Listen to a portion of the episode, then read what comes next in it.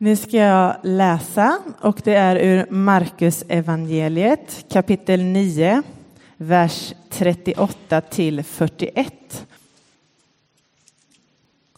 Underverk i Jesu namn.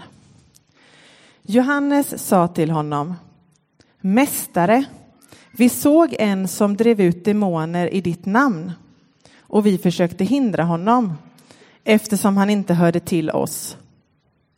Men Jesus sa, hindra honom inte. Ingen som gör underverk i mitt namn kan genast efteråt tala illa om mig. Den som inte är emot oss, han är för oss. Den som ger er en bägare vatten att dricka därför att ni tillhör Kristus, sannerligen, han ska inte gå miste om sin lön. Så lyder det heliga evangeliet. Lovad vare du, Kristus. I slutet på sommaren så tänkte jag och min fru att vi skulle börja odla egna grönsaker. Vi tänkte att vi skulle utforska det där med att inte bara handla allting i affären eh, utan börja prova att driva upp egna grödor. Det låter väl ambitiöst? Eh, och vi har hunnit med att bygga stora pallkragar. Vi har oljat in dem, ni vet, och satt dem ute på gräsmattan. Sen kom hösten. Och sen kom vintern. Och tiden bara försvann. Men nu hoppas vi då till våren att vi ska börja fundera på vad är det vi vill se växa upp i den här pallkragen eh, och förstås lära oss mer om att odla eh, och vad som funkar och inte funkar. Men förhoppningsvis så går det bra. Det behövs bara lite fokus och lite uthållighet, ni vet, för att få det att bli. För det blir ju inte till av sig själv om man säger så. Man skulle kunna se en människas liv som en sån här pallkrage med jord i. Eh, och så kan man fråga sig, vad är det jag vill ska växa i min pallkrage? När jag tittar på mitt eget liv, hur ser det då verkligen ut? Skördar jag bra grejer i mitt liv? Liksom kommer det goda saker ur mitt liv? Eller känner du igen dig i den här bilden jag beskriver av att man kör igång någonting, man börjar skruva sina pallkragar och man, man, är lite, man är lite på G och så sätter man de här pallkragarna på gräsmattan. Och sen kommer vintern. Och sen tappar man fokus. Och så kanske då hoppas man som jag då att till våren, yes, då kör vi igen. Bild, Bibeln är full av bildspråk med det här med att odla och plantera. Och det är ett sätt att beskriva det som händer på insidan av dig när du växer i din kristna tro. När den börjar bli relevant för dig. När tron börjar sätta dig i rörelse. Och Gud själv beskrivs på många ställen i Bibeln som någonting av den goda jordbrukaren. Som både med uthållighet och kärlek vill så in goda saker i, din, i ditt liv.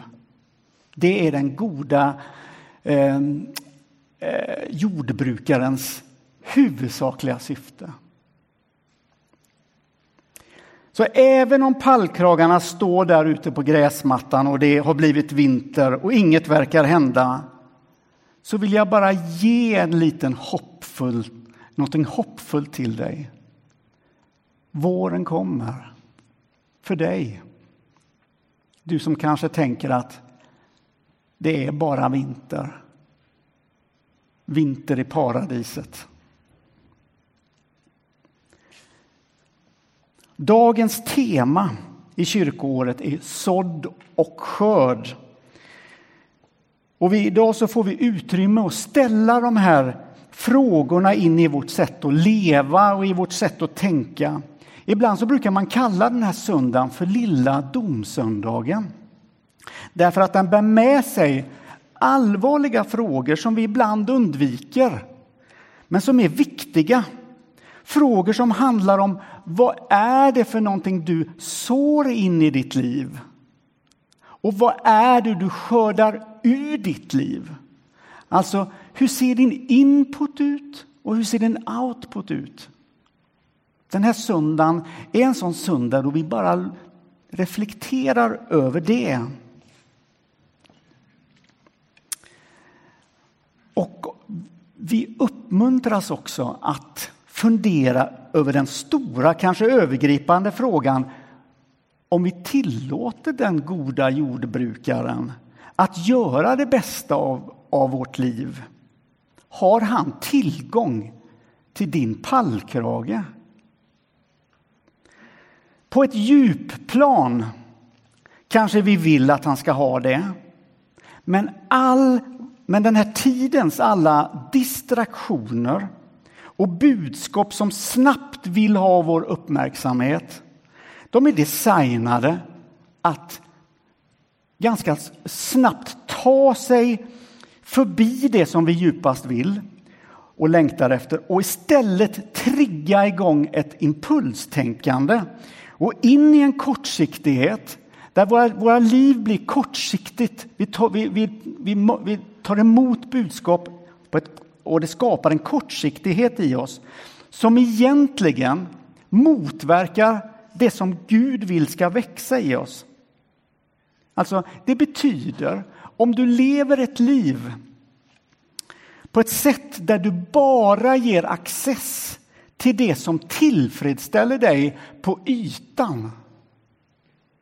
Om du bara svarar på kortsiktiga impulser därför att det känns bra och lätt att göra så kommer dina rötter inte få fäste. Och då kommer det heller inte bli någon frukt. För rötter och frukt hör ihop. Det är superviktigt med våra andliga rötter. Så vi måste förstå att vi lever i en tid som har en tendens att fragmentera och splittra människan.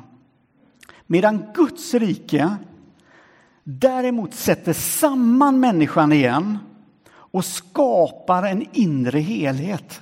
Förstår ni skillnaden? Det ena kastar isär oss och gör oss splittrade medan kommer vi nära Gud i Guds rike så tenderar han att dra ihop oss så vi blir hela. Det är alltså hälsosamt kan man säga att närma sig Gud. Och det är den här inre helheten som Gud vill se växa till i våra liv som, som är så viktig. Och som gör att vi börjar se på oss själva på ett annat sätt. Vi börjar se på andra människor med hans ögon.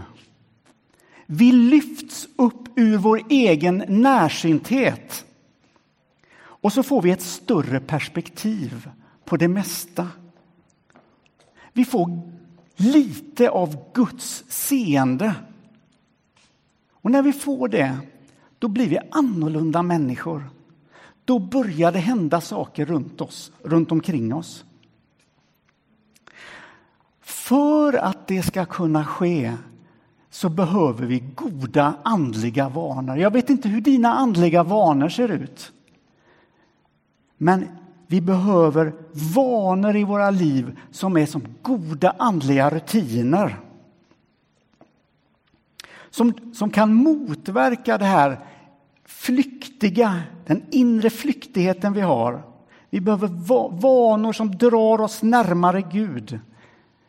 Jag tänker på en sån vana och det är att gå till gudstjänsten.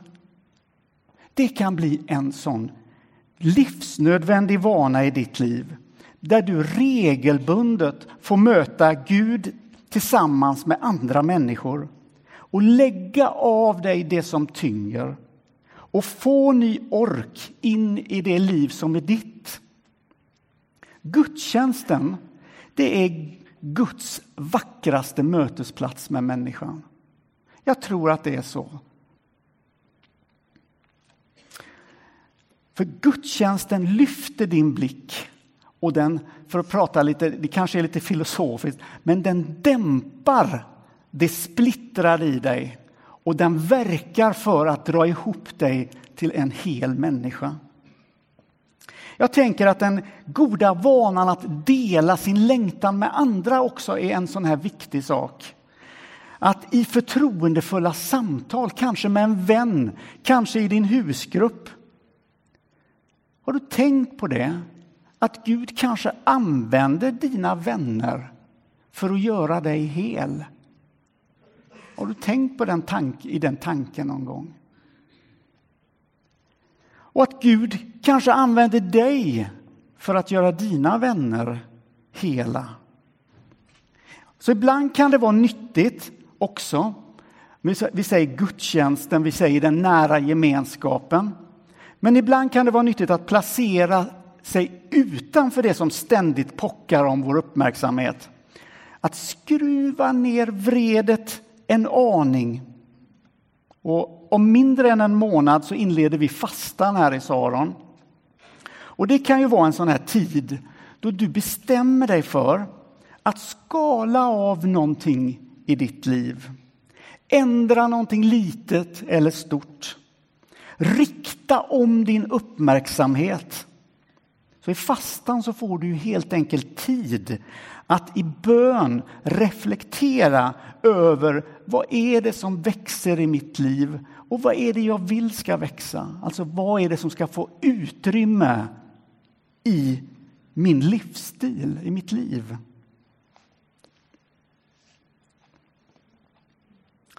Men vi ska komma ihåg en sak och det är att Gud vill ditt, din att det ska växa goda saker i ditt liv. Och I en församlingsgemenskap som här i Saron så vill vi ju hjälpa varandra att sätta rötter och att växa. Vi vill, vi vill hjälpa varandra att se de här stora perspektiven och inte begränsa Gud. Och här behöver vi den goda jordbrukaren vi behöver att han arbetar med vår gemensamma åker här. Men en kristen gemenskap den kan ju också bli väldigt sluten och trång. Det har vi några av oss säkert varit med om. Att den känns lite klaustrofobisk. Vi börjar tänka att ja, det som växer här just i vår gemenskap, det är det enda viktiga och riktiga. Här i Saron, här både skördar Gud och sår Gud på det rätta sättet. Och så blir vi lite kritiska till andra kyrkor, till tra andra traditioner och till, till andra människor. För där kan väl ändå inte Gud verka som man gör i Saron. Men vi ska komma ihåg en sak. Och det är att Gud, han både sår och skördar precis vad han vill och genom vem han vill. Han har ju helhetsbilden över allt och över alla. Så han tänker annorlunda än oss och han är alltid mer vidsynt och öppen än vad vi är. Det är någonting som vi märker i dagens evangelietext. När Johannes liksom steppar in och, och, och säger till Jesus Mästare, vi såg en man driva ut demoner i ditt namn. Vi försökte hindra honom eftersom han inte hörde till oss.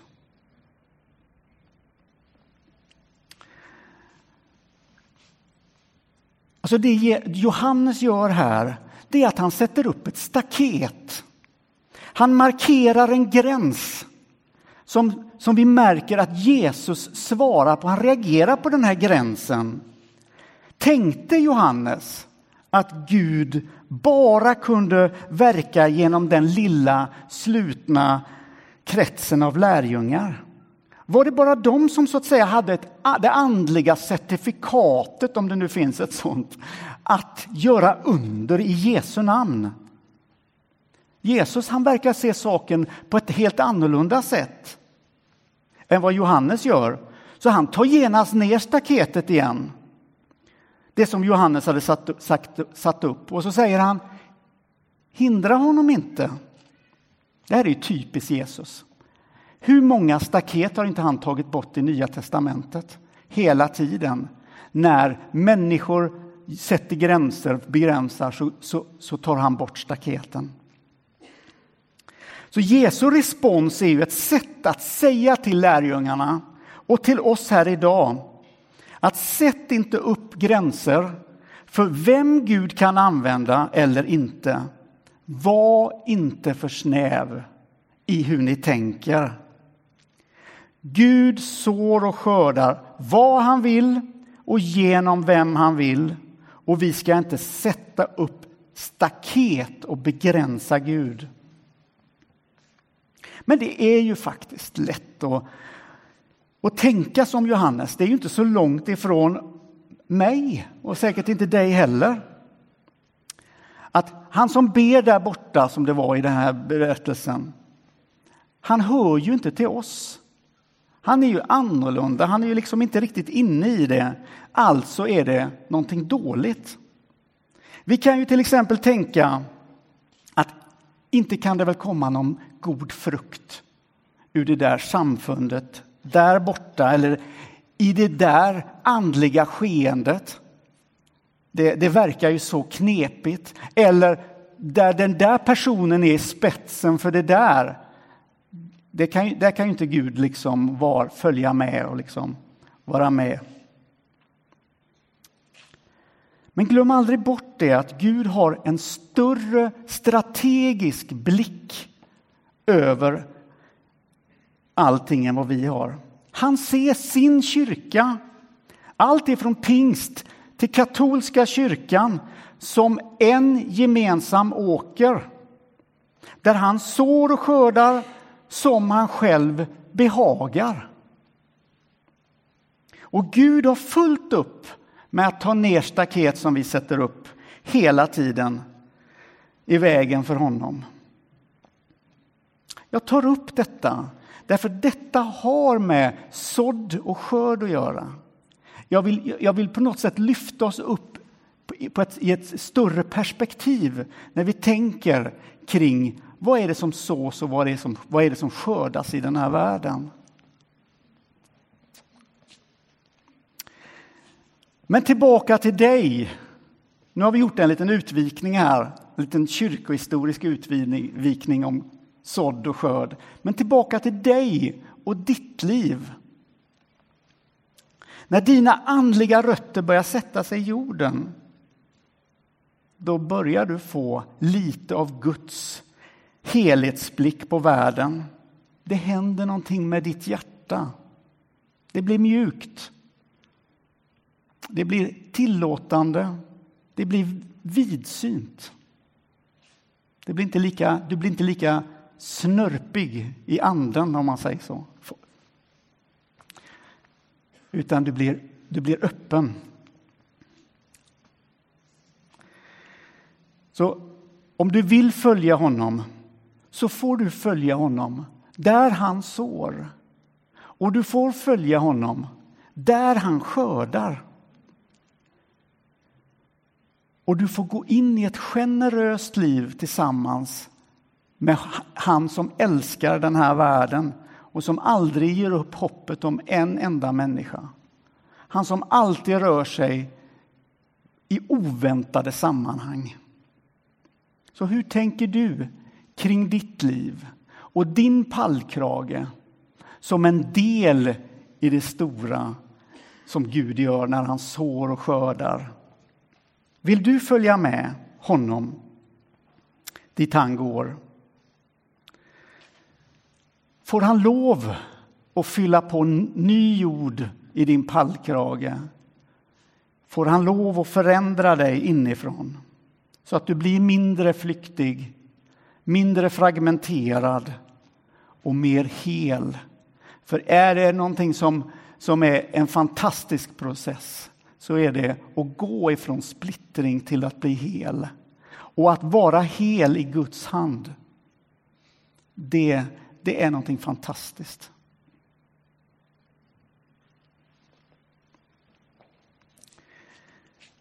Så kommer det lilla du har, kommer det som är du. Om det är bara så att du har ett litet senapskorn, om du upplever att du själv har inte mycket att komma, kommer det så, så gör den stora jordbrukaren någonting fantastiskt med det. Med ditt liv. Om du bara ger det till honom. Så låt oss öppna våra pallkragar för Gud. Amen.